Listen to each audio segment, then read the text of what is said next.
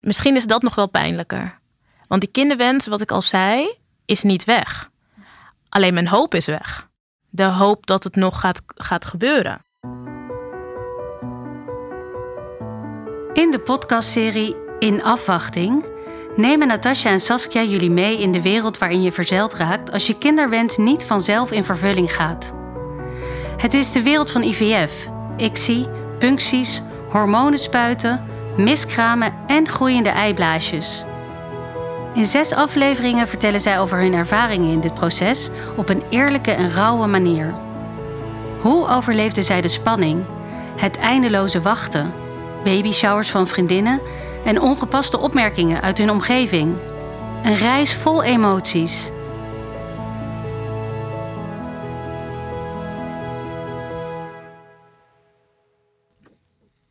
Ik ben Natasja, bijna 38 jaar oud en 11 jaar samen met mijn man Thijs. En ik ben Saskia, net 49 jaar en samen met Frank en mijn kinderen woon ik in Amsterdam. Ooit stonden wij op dezelfde plek in ons leven, met een kinderwens die niet vanzelf in vervulling ging. Beide hebben een IVF en een ICSI-traject doorlopen, met een totaal andere aanleiding, maar vooral met een totaal andere uitkomst. Saskia kreeg vier kinderen en ik kreeg er nul. Vanuit onze persoonlijke ervaring gaan we met elkaar in gesprek over hoe wij dit proces hebben ervaren. Wij kennen elkaar sinds 2015, van de opleiding tot rouwtherapeut. En wij vonden meteen al heel veel herkenning bij elkaar. Na die opleiding bleven we met elkaar in contact. En wij maken nu samen de podcast In Afwachting. Deze podcast is bedoeld voor iedereen die op welke manier dan ook met een vruchtbaarheidstraject te maken heeft of heeft gehad. Wij willen erkenning geven aan het proces van in afwachting zijn. En met elkaar en jullie als luisteraars delen wat vaak niet wordt uitgesproken in dit hele intensieve, verdrietige en ook spannende proces. Onze eerste aflevering is de aflevering die gaat over de kinderwens. En dan met name de kinderwens die niet vanzelf in vervulling gaat. Als klein meisje wist ik eigenlijk altijd al dat ik kinderen wilde. Ik was heel gek op kleine babytjes en ik heb veel opgepast toen ik uh, wat ouder werd. Uh, dus in mijn beleving, ook omdat wij in een heel kinderrijke buurt woonden, was het zo normaal dat je kinderen zou gaan krijgen. En dat is hele lange tijd heb ik dat ook zo gedacht. Na mijn middelbare school ben ik een jaar op pair geweest in Amerika van twee kinderen. Vond ik heel zwaar. Toen gingen mijn open, ogen wel open. En ik denk dat ik daardoor daarna dat ook nog vrij lang heb uitgesteld. Oké. Maar het moment dat je wist, ik wil het wel, kwam er toen gauw een kind? Vanaf dat moment, uh, nee, nee, nee, nee, nee. Um, wij hebben, ik heb mijn, uh, mijn partner Frank heb ik uh, leren kennen toen ik 32 was. En na twee jaar zijn wij gaan proberen om kinderen te krijgen. en dat lukte het eerste half jaar niet. En toen had ik al meteen het gevoel van dit zou wel eens ziekenhuis kunnen worden. En toen heb ik ook vrij snel, zeg maar, ben ik naar een arts gegaan en heb heb dit verteld. En zijn we doorverwezen naar, naar het ziekenhuis. Oké. Ja. Kan jij vertellen hoe dat bij jou is gegaan? Ja. Hoe, hoe, is dat bij jou? Kinderwens? Nou, ik denk dat ik nooit een hele uitgesproken kinderwens had. Ik denk dat ik altijd wel dacht, mm, zou kunnen, maar het zou ook zomaar niet kunnen. Dus ik, ik was daar nooit heel uitgesproken in. Mijn zus die was daar eigenlijk altijd heel duidelijk over. Ik word juf en ik word moeder. Nou, beide is gebeurd. En um, ik dacht altijd, hè, wat, wat handig als je dat gewoon heel duidelijk weet. Ik had echt geen idee. En ik denk dat dat best wel lang ook geen rol speelde totdat ik 30 was. En mijn man, die heeft er wel een hele uitgesproken kinderwens. Dus die heeft echt al, ik denk dat ik 26, 27 was, dat hij zei, nou, het lijkt mij wel leuk. Dat ik dacht, nou, dit gaat wel een beetje snel. En op mijn dertigste toen heb ik tegen hem gezegd, nou, ik denk dat ik langzaam aan het idee kan wennen. Misschien moeten we het eens gaan proberen. Nou, toen uh, ben ik gestopt met anticonceptie. En uh, nou, na twee jaar was er nog uh, niks. En toen werd mijn man wel ongeduldig. Die zei toen wel, nou, ik maak me zorgen. Ik vind dat we naar de huisarts moeten. Ik vind dat we iets moeten ondernemen. En ik dacht, ja joh, ik kan nog wel verwachten. Hoeft toch allemaal niet zo gehaast. Want wat gebeurde er met jou in die twee jaar dat het niet lukte? Nou, ik denk dat het meer op de achtergrond was. Dat het iets was waarvan ik dacht, nou, we zijn gestopt met anticonceptie. En dan op een dag, dan denk je, oh, ik ben niet ongesteld geworden. En dan ga je testen en dan ben je zwanger. Dus ik was er niet zo bewust mee bezig. Ehm, en ik had ook natuurlijk wel de verhalen gelezen van als je zoveel jaar aan de pil bent geweest, dan kan het ook wel een tijdje duren. Dus ik maakte me eigenlijk niet echt zorgen. Maar ja, toen mijn man op een gegeven moment zei van, ehm, ik maak me wel zorgen. Ik ga een, afspraak plannen bij de huisarts. Toen dacht ik, oh, oké, nou prima. En toen zijn we naar de huisarts gegaan en die reageerde eigenlijk op een manier dat ik dacht, oh, moet ik me zorgen maken? Want hij zei echt meteen, oh, dat vind ik wel lang, twee jaar. Ik ga jullie doorverwijzen naar het ziekenhuis. En toen ineens kwam er bij mij een soort besef van, oh, misschien is er iets aan de hand. Nou, en al vrij snel ehm, hadden we allerlei onderzoeken in het ziekenhuis. Maar dat wees helemaal niks uit. Dus er was eigenlijk geen aantoonbare of aanwijsbare reden waarom een zwangerschap niet op de natuurlijke manier zou kunnen. Dus toen dacht ik nog, nou, dan zullen ze wel zeggen: blijf nog maar even een jaartje proberen en dan zien we jullie daarna wel weer. Maar toen zei het ziekenhuis ook van, nou, we kunnen jullie wel helpen. En toen dacht ik, huh? We hebben dus blijkbaar hulp nodig. Dus bij mij, ik, ik liep een beetje achter de feiten aan. Dat gevoel had ik. Ik, ik, zal, ik liep er niet op voor. En ehm, ja, en dan ineens ga je wel, merkte ik bij mezelf dat ik wel bewuster werd van, oh, hoe graag wil ik dit? Want ik moet er dus wel wat voor doen. Het gaat niet vanzelf. Dus dat was wel een soort ontwikkeling. En wat ik bijzonder vind bij jullie is dat bij jouw man dus dat al heel duidelijk aanwezig was, die wens. En dat dat bij jou nog een beetje sluimerde, als ik dat zo goed hoor. Ja, ja ik denk ook wel dat het ehm, vaak andersom is. Dus dat, of tenminste, dat hoor ik veel. Dat het vaak de vrouw is die dan tegen de man zegt: Ik ben eraan toe, gaan we proberen. Nou, bij ons was het echt andersom. En dat is helemaal prima. Uh, maakt volgens mij verder ook niet zoveel uit. Alleen je merkt gewoon dat als je iets heel graag wil um, en het lukt niet, dan komt daar een soort zoeklicht op. Hè? Dan wordt dat groot, dan krijgt dat meer aandacht. En dat vond ik wel lastig, want ineens ging het daar dus veel meer over. Uh, en merk je gewoon van ja, je verlangt naar iets. En dat vond ik nog wel ingewikkeld, want je hebt het over een kinderwens. Dus dat gaat over de wens om een kind te krijgen of de wens om vader of moeder te worden. Maar ik merkte dat het bij mij ook heel erg ging over een verlangen. Dat ik er heel erg naar verlangde om te zien hoe mijn man Thijs zou worden als vader.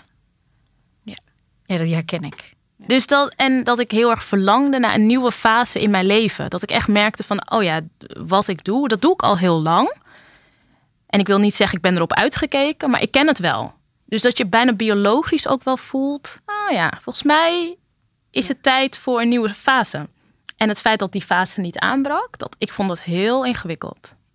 Ja, ik vond dat echt heel ingewikkeld. En ja, ik merkte ook wel dat het feit dat wij er iets voor moesten doen, dus echt wel een ziekenhuistraject uh, voor zouden moeten doorlopen.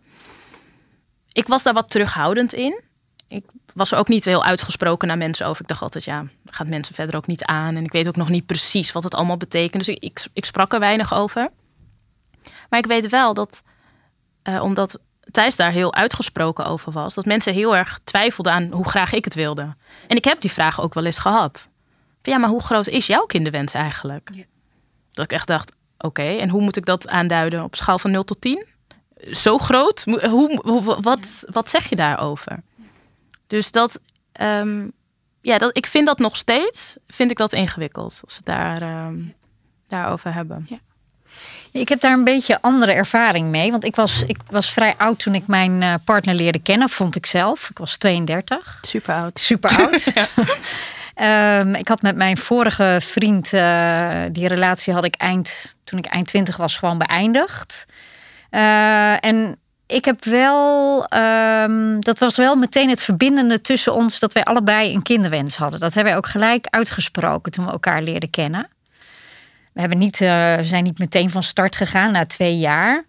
maar toen het niet meteen lukte, um, had ik wel uh, voelde ik een enorme gedrevenheid, bijna als een soort project. Als ik er achteraf aan terugdenk, uh, heb ik dat ook met weinig gevoel gedaan.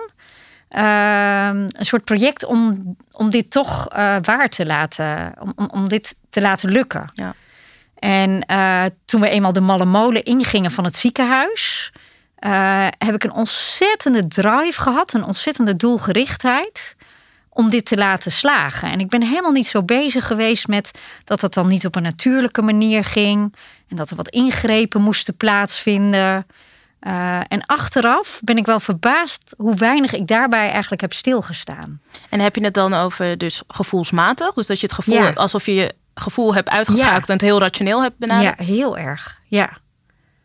Ja, en, het, en niet alle momenten hoor. Want ik ben op een gegeven moment uh, onze eerste uh, ICSI-poging, want we hebben ICSI uh, onder, dat hebben wij gedaan, is in een miskraam geëindigd. En dat heb ik wel echt heel erg gevoeld. En daar was ik enorm verdrietig over.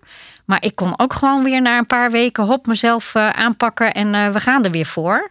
En ik heb altijd een soort blind vertrouwen gehad dat dat met, op deze manier moest lukken. Ja. Nou, ik, wat ik wel bijzonder vind. Dus ik herken wel die. Nou, bijna een soort het omzetten van die knop. Hè? Want dat vraagt, tenminste, dat is mijn ervaring. Dat vraagt dit traject ook bijna van je. Dat je het uh, heel rationeel benadert. Maar dat is ook gewoon de aanpak. Als je naar het ziekenhuis gaat, dan gaat het over, die, over de. Hoe groot is je eiblaasje? Uh, hoe dik is je baar, baarmoederslijm? Hoe, weet je dus, hoe groot is de kans dat jij met jouw partner op deze leeftijd een kind krijgt. Dus dat is natuurlijk waar het heel erg over gaat. Dus dat dwingt je bijna ook om constant in je hoofd te zitten. Ja. En ik merkte dat ik, dat is denk ik sowieso mijn voorkeur om meer in mijn hoofd te zitten, dat dat goed aansloot. Dus ik denk dat ik mijn, mijn lijf veel minder goed heb gevoeld toen. Dus van ja, inderdaad, eh, wat betekent het eigenlijk voor mij dat die kinderwens waarschijnlijk niet vanzelf in vervulling gaat? Ik denk dat ik me daar nooit nou, van die eerste jaren, ehm, dat ik me dat niet echt heb afgevraagd. Ik kon het wel zien aan mijn omgeving. Op welke manier? Nou, ik denk dat mijn omgeving mij heel erg liet zien dat zij ook naar iets verlangen. Namelijk dat ik, dat ik een kind krijg. Ja. Want ik kom uit een familie en een gezin met heel veel kinderen. Dus het is een vanzelfsprekend iets dat dat, ik, ja, dat er een kind komt. Ik bedoel, ik ben ondertussen al, weet ik veel, elf jaar samen met mijn partner. Dus het is dan de volgende stap. En die stap had al een paar jaar eerder genomen moeten worden. En wat deed dat met jou? Dat je omgeving dat als het ware verwachtte? Verwoord ik dat dan goed? Um, ik weet niet of het verwachten was, maar ik denk wel dat het verlangen was. Ik zag, en vooral toen, ik, toen mijn familie op een gegeven moment ook wist van... oh, ze willen het wel, maar het lukt niet. Um, kon ik het verlangen bij mijn zus heel erg zien. Um, dat het, het voor haar heel veel betekende dat haar kleine zusje een kind zou krijgen. Want wij hebben dan twee broers en die hebben kinderen. Maar ik kan me voorstellen als zus dat het anders is als je kleine zusje moeder wordt. Uh, dus dat, verlangen kon ik heel erg zien. Dus het ging niet alleen over mijn wens. Um, mijn omgeving liet mij zien wat het eigenlijk betekent voor ons allemaal. Nou, mijn moeder, haar verdriet vond ik heel um, heftig om te zien dat zij, dat zij heel graag oma wil worden van een kind van mij. En ik weet nog dat zij een keer op moederdag tegen mij zei: uh, Waarom krijg ik van mijn kinderen cadeautjes op moederdag? Ik zou jullie cadeautjes moeten geven, want door jullie ben ik moeder.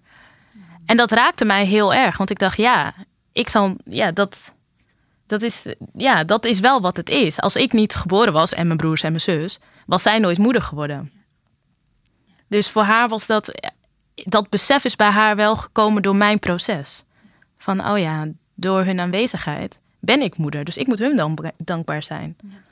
Dus dat, ja, dat maakte eigenlijk dat ik er niet meer omheen kon of zo. Dat, dat die wens van niet alleen van mij en, en mijn man is, maar dat het, van, dat het veel verder reikt dan dat. Ja.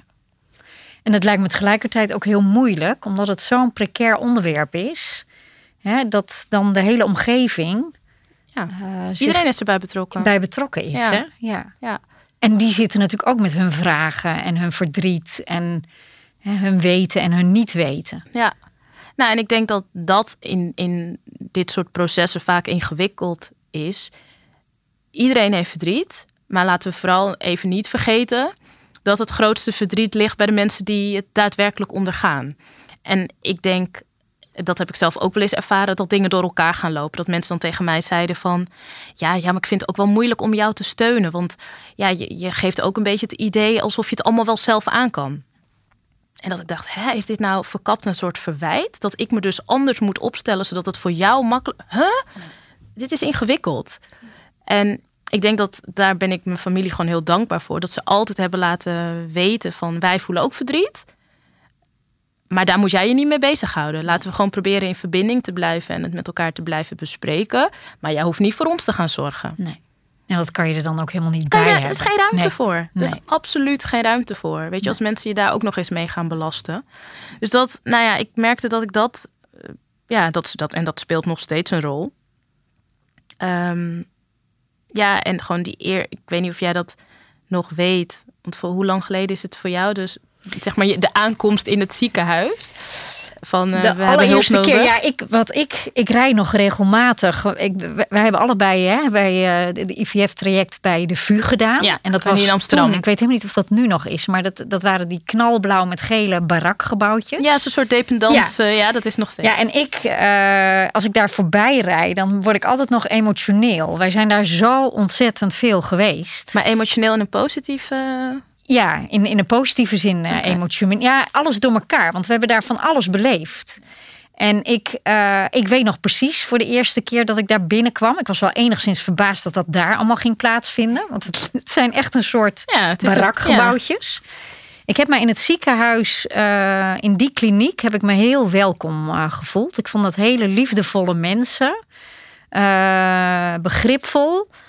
Ik heb wel, eh, wat ik lastig vond, is dat het steeds andere mensen waren. Die, eh, want Ja. in zo'n traject, je moet er zo vaak zijn. En het komt soms op, de, op het uur aan dat je daar weer moet zijn om te, om te prikken, om terug te zetten. Om, om, nou, dus je kwam steeds andere mensen tegen. Hun basishouding heb ik altijd als heel erg, ik voel me welkom, liefdevol ervaren. Waar ik later wel over heb zitten nadenken, je krijgt daar heel veel informatie, heel veel inhoudelijke informatie. Maar de psychische steun, eh, dat moet je wel zelf gaan regelen. Ja, en ik denk wel dat, dat, dat ze daar bewuster van zijn geworden in de loop der tijd. Want het wordt wel, het wordt wel eens genoemd. En je ziet ook op sites, zie je nu verwijzingen waar je dan eh, hulp kan krijgen. Maar het zit niet verweven, tenminste zo heb ik het niet ervaren, in het, in het traject zelf. Want je voelt... Ja, het voelde voor mij, want als jij dat zegt van ja, ik krijg er gevo- emotionele gevoelens bij. Ik heb dat, ik, ja, ik heb ook emotionele gevoelens, maar die zijn niet warm. Ik heb meer een soort. ehm, eh, nou, boosheid wil ik niet zeggen. Maar het is meer een soort irritatie. Dat ik denk, ja, maar jullie hebben ook allemaal dingen gezegd die niet zijn uitgekomen. En ik ben daar heel vaak geweest ehm, met hoop onder mijn arm en vertrouwen onder mijn arm en mijn kinderwens in mijn rugzak.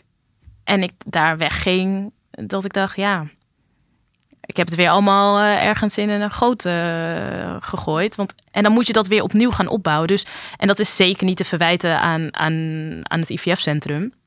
Maar ik denk wel dat het vaak dus heel erg statistisch benaderd wordt van je bent relatief jong, je bent gezond, je partner is gezond, eh, er is niks aan Thomas waarom het niet zou kunnen, jullie kansen zijn heel groot. Dus ja, dat wordt een houvast in een traject waarbij je weinig hebt om aan vast te houden.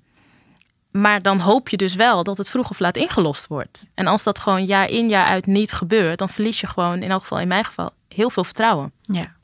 Dus Ja. En werd daar aandacht aan besteed? Nee. In, eh, nee. Nee, ik denk is- wel bij, de, bij mijn terugplaatsingen of zo. ehm, heb je dan zo'n super lieve arts die dan super hoopvol en enthousiast vertelt. Het ziet er allemaal goed uit. En deze keer. En we hopen dat we je zien bij het bloedprikken dat je zwanger bent.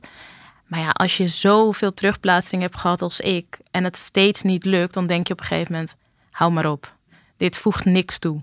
Dus die afstemming, want daar gaat het mij dan over dat je het wat passender maakt, gebaseerd op de behoeften, dat mis ik. Want ik snap hun insteek van we willen iedereen met een, een boost wegsturen. En tegelijkertijd, ja, je mag ook zeggen van ik kan me heel goed voorstellen dat je, dat, dat je het bijna niet meer kan geloven. Dat voelt voor mij dan Ja. steunender. Ja. Ehm, Ja, dat, dat dat benoemd wordt, hè? Ja. dat zeg je eigenlijk. ja. Ja. Weet je, Ja. of dat als je weer voor de zoveelste keer terug moet voor een echo. eh, en dan niet om te kijken hoe het met je kindje gaat, maar gewoon om te kijken hoe het met je baarmoederslijm gaat of met je, met je follicels. eh, dat iemand dat even zegt van jeetje meid, wat moet dit pittig voor je zijn.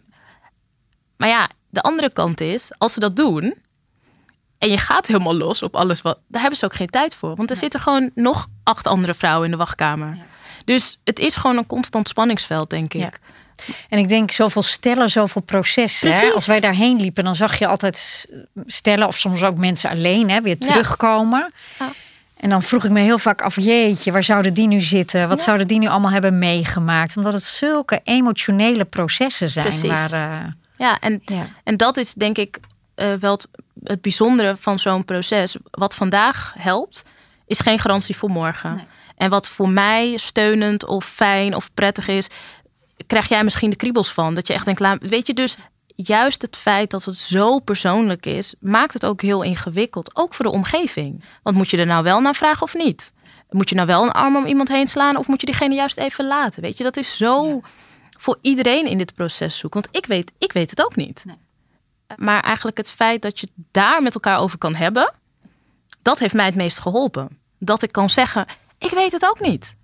Ik, heb, ik, ik weet ook niet wat ik nu nodig heb. Heb jij dat in je omgeving gehad? Dat mensen gevraagd hebben hoe ze jou kunnen steunen? Konden steunen? Nee, niet zo expliciet. Nee. Nee. niet dat iemand echt vraagt van... Natasja, wat heb jij nou nodig? Ja. Nee. Ja, eigenlijk Nee. is dat een hele makkelijke is- vraag. Maar hè, omdat je ook zegt, voor iedereen is het verschillend. Ja, nee. Kijk, ondertussen ben ik ehm, acht jaar verder eh, en ik heb geen kinderen. Dus nou, dan snap je wel hoe mijn proces geweest is. En daar gaan we het ongetwijfeld nog heel veel over hebben, ook in de komende eh, afleveringen. Maar ik merk dat mensen nu het er helemaal niet meer met mij over hebben. En misschien is dat nog wel pijnlijker. Want die kinderwens, wat ik al zei, is niet weg.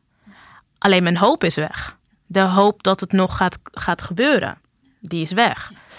En het feit dat het eigenlijk geen onderwerp meer is in gesprekken met anderen, wil niet zeggen dat het geen onderwerp, heel groot onderwerp in mijn leven is.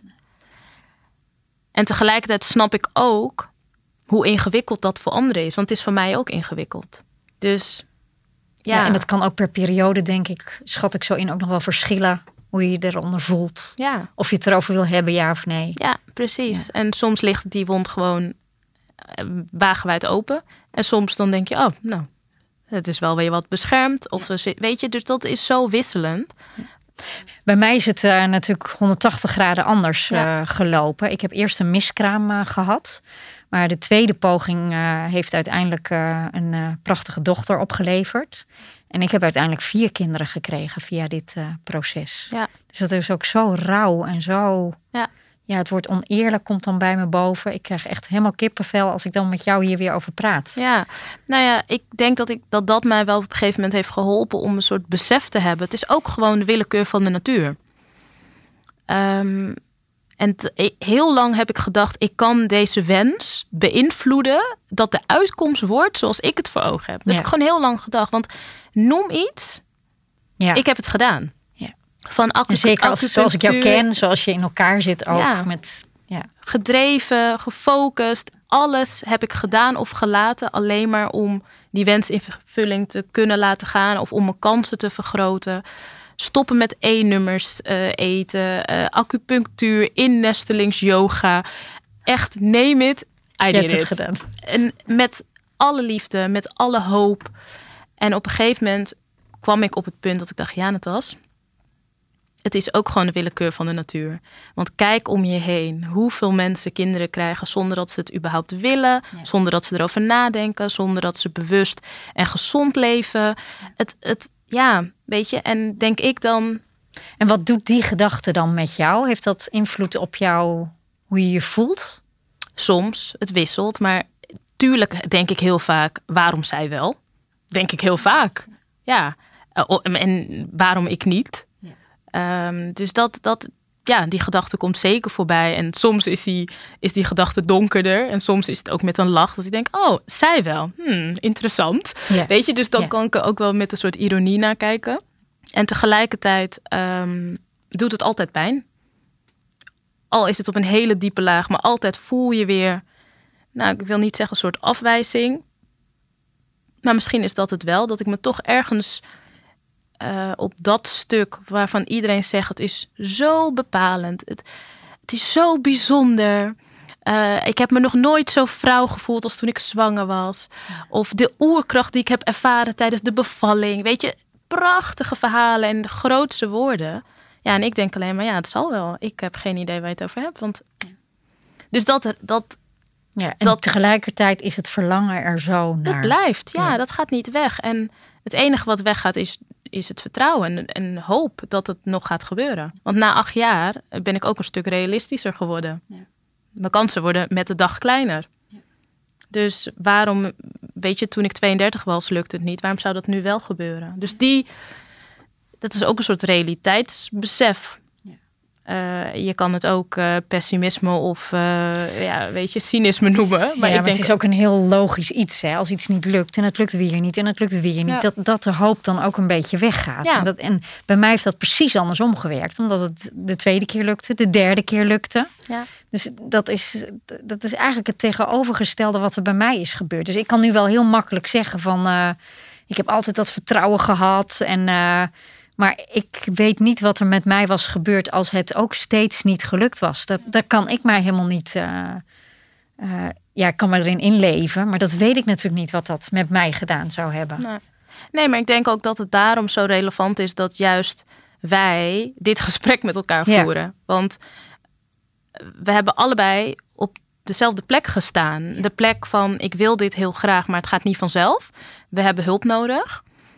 En er zijn zoveel mensen die, die dit meemaken, die dus op een bepaald moment denken: hey, het lijkt me leuk om moeder te worden of het lijkt me leuk om vader te worden. En die daaraan beginnen en die geen idee hebben waar, de, waar ze eindigen. Maar 9 van de 10 keer komt het wel goed. Um, dus mensen in dit proces, ja, er zullen ongetwijfeld mensen zijn die zich kunnen identificeren met mij. Hopelijk meer met jou of iets daartussenin. Ja. Ja. Dat gun ik mensen, want ik weet je dat ik, ik, ik wens het niemand toe en dat wil niet zeggen, en dat moet ik misschien er wel voorbij zeggen, dat ik niet gelukkig ben.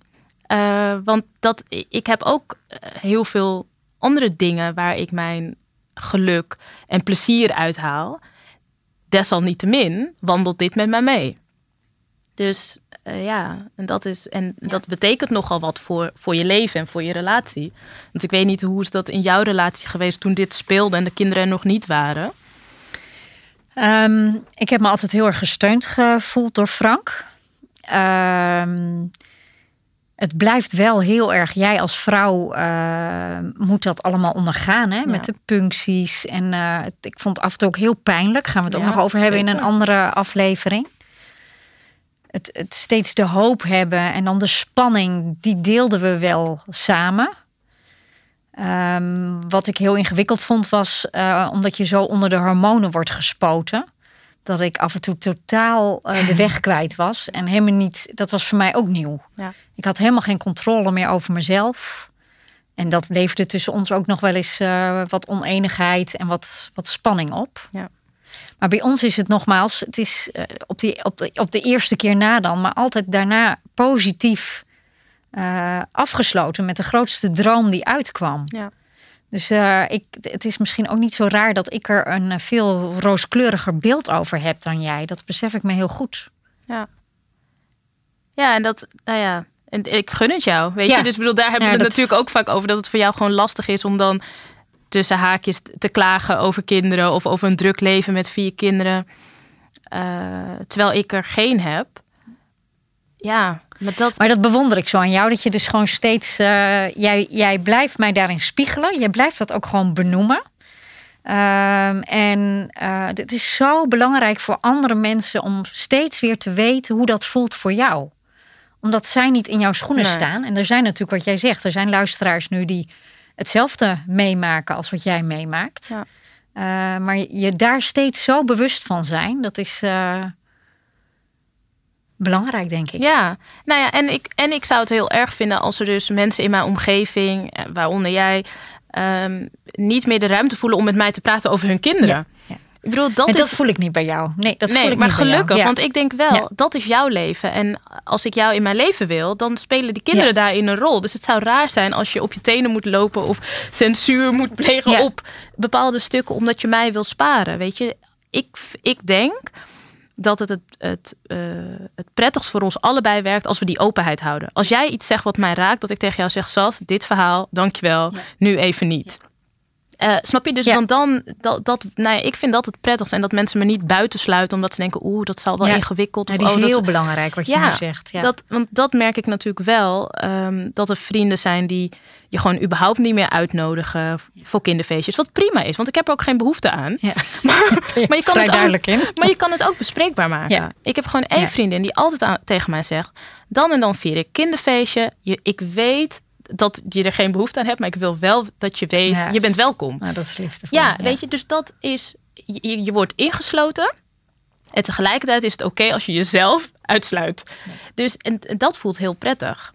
Ehm, dus ja, maar het, het- en dat zal voor iedereen ook weer anders zijn. Weet je, er zijn vriendinnen die wel zeggen van nee, ook al heb ik geen kinderen, wil ik wel naar een kinderfeestje. Maar het feit dat je het met elkaar bespreekt en blijft bespreken, eh, is voor mij de manier om in verbinding te blijven en, me, en erbij te horen. Want er zijn genoeg momenten dat ik me al buitengesloten voel. Ehm, en dat, eh, het is oké, weet je. Ik heb na zoveel jaar heb ik daar ook wel een weg in gevonden. Maar het helpt wel als er nog heel veel mensen zijn die af en toe ook zeggen van... hé, hey, ik weet dat deze lastig voor je is, maar weet zo. Dat is gewoon heel je zien helpend. in je verdriet dan ook. Ja. Hè? En in, eh, in wat er altijd aanwezig is. Wat Ja. jij gewoon je leven lang eh, met je meedraagt. Ja. ja. Dus ja, Ja. want dat is wat ik ook heel erg eh, zie bij jou en ook om mij heen. Dat, dat, dat is een stukje rouw. Eh, dat is heel erg onderbelicht in de wereld. Van, je gaat op een gegeven moment, heb je je laatste poging. Het lukt niet. En dan? Ja. Dan word je als stel volledig aan je lot overgelaten. Ja, je Ja. kan natuurlijk zelf hulp gaan zoeken. Ja. Maar dat is ook wel een klein beetje waarom eh, ik denk dat deze podcast zo belangrijk is. Dat de rouw voor mensen waar het niet lukt, dat die immens groot is. En dat daar aandacht voor moet zijn. Ja. En, dat, en wat Ja, jij zegt. En voor het proces. Ja. Want eh, dit is mijn uitkomst. Maar er zijn natuurlijk ook nog mensen in het proces die ook al rouwen. Ik bedoel, we hebben allebei een miskraam gehad. Nou, dat is rouw. Weet je, en ik denk ook... ehm, mijn, mijn schoonzus die heeft haar dochter verloren. En dat is heel zichtbaar. Iedereen kende die dochter. Iedereen ziet welk gat zij achterlaat. Welke leegte er is ontstaan. Dus daar zijn we met z'n allen altijd mee bezig. De leegte die ik in mijn leven heb en het verdriet dat ik met me meedraag, is voor mensen niet zichtbaar. Dus terwijl ik soms, als ik de woorden hoor, mensen zeggen toch wel eens van eh, het ergste wat je kan overkomen is een kind verliezen. Ja, die, die komt bij mij heel hard binnen, want ik denk, maar weet je hoe erg het is om nooit een kind te krijgen? Ehm, mijn broer heeft letterlijk de dag dat we mijn nichtje hebben begraven, heeft mijn broer letterlijk tegen mij gezegd: tenminste heb ik haar gehad. En dat kwam, dat kwam zo binnen bij mij, omdat ik dacht: ja, je weet nu waar je om rouwt, want je hebt haar in je leven gehad en je hebt afscheid van haar moeten nemen. En ik voel dan meteen van.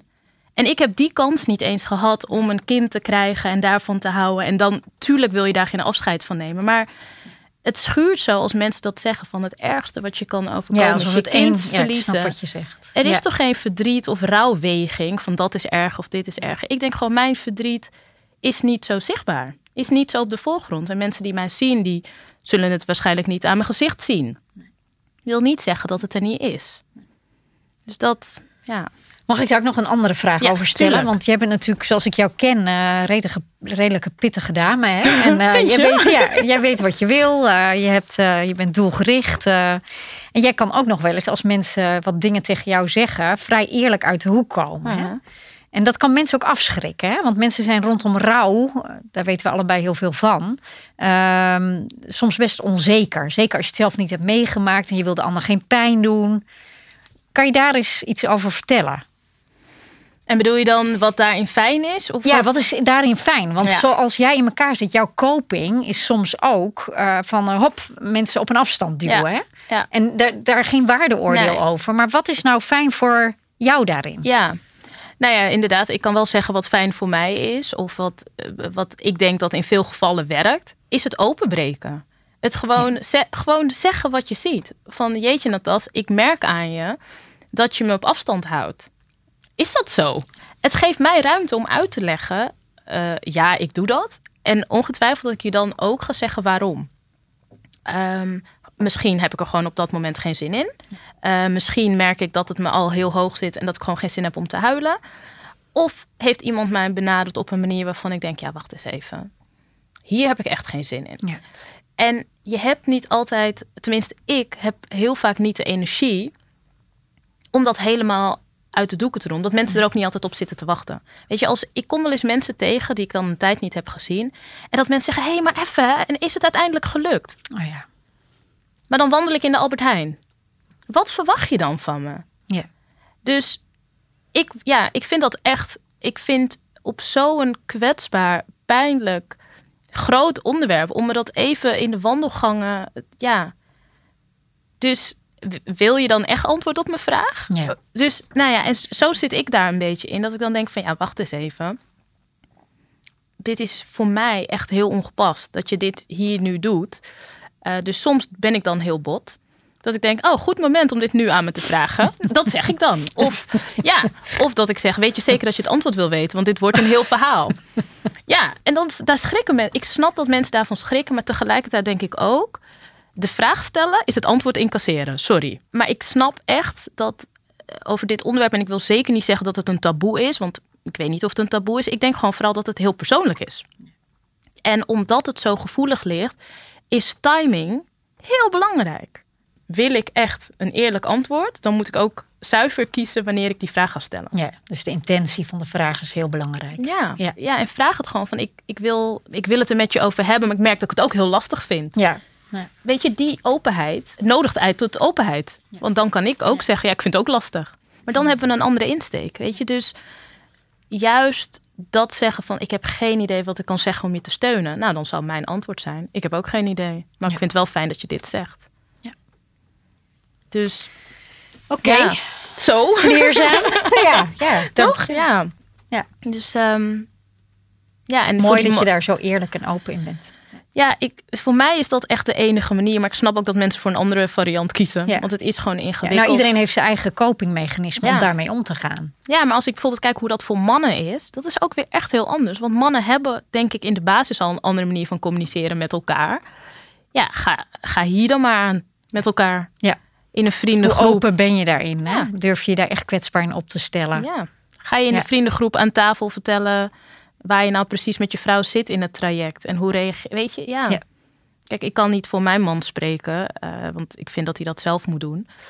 Als hij daar wat over wil zeggen. Maar ik heb zijn worsteling daarin wel gezien. Van wat, wat heeft hij nodig qua steun en wie kan dat wel en wie niet. Weet je, het is zo- het is zo'n eenzaam proces soms. Daar ben ik blij dat ik jou heb. Ja. Toch? Dat wij, dit, ja, Ja. dat wij dit gewoon heel veel met elkaar hebben kunnen bespreken. Ja. Dus, ehm, Ja.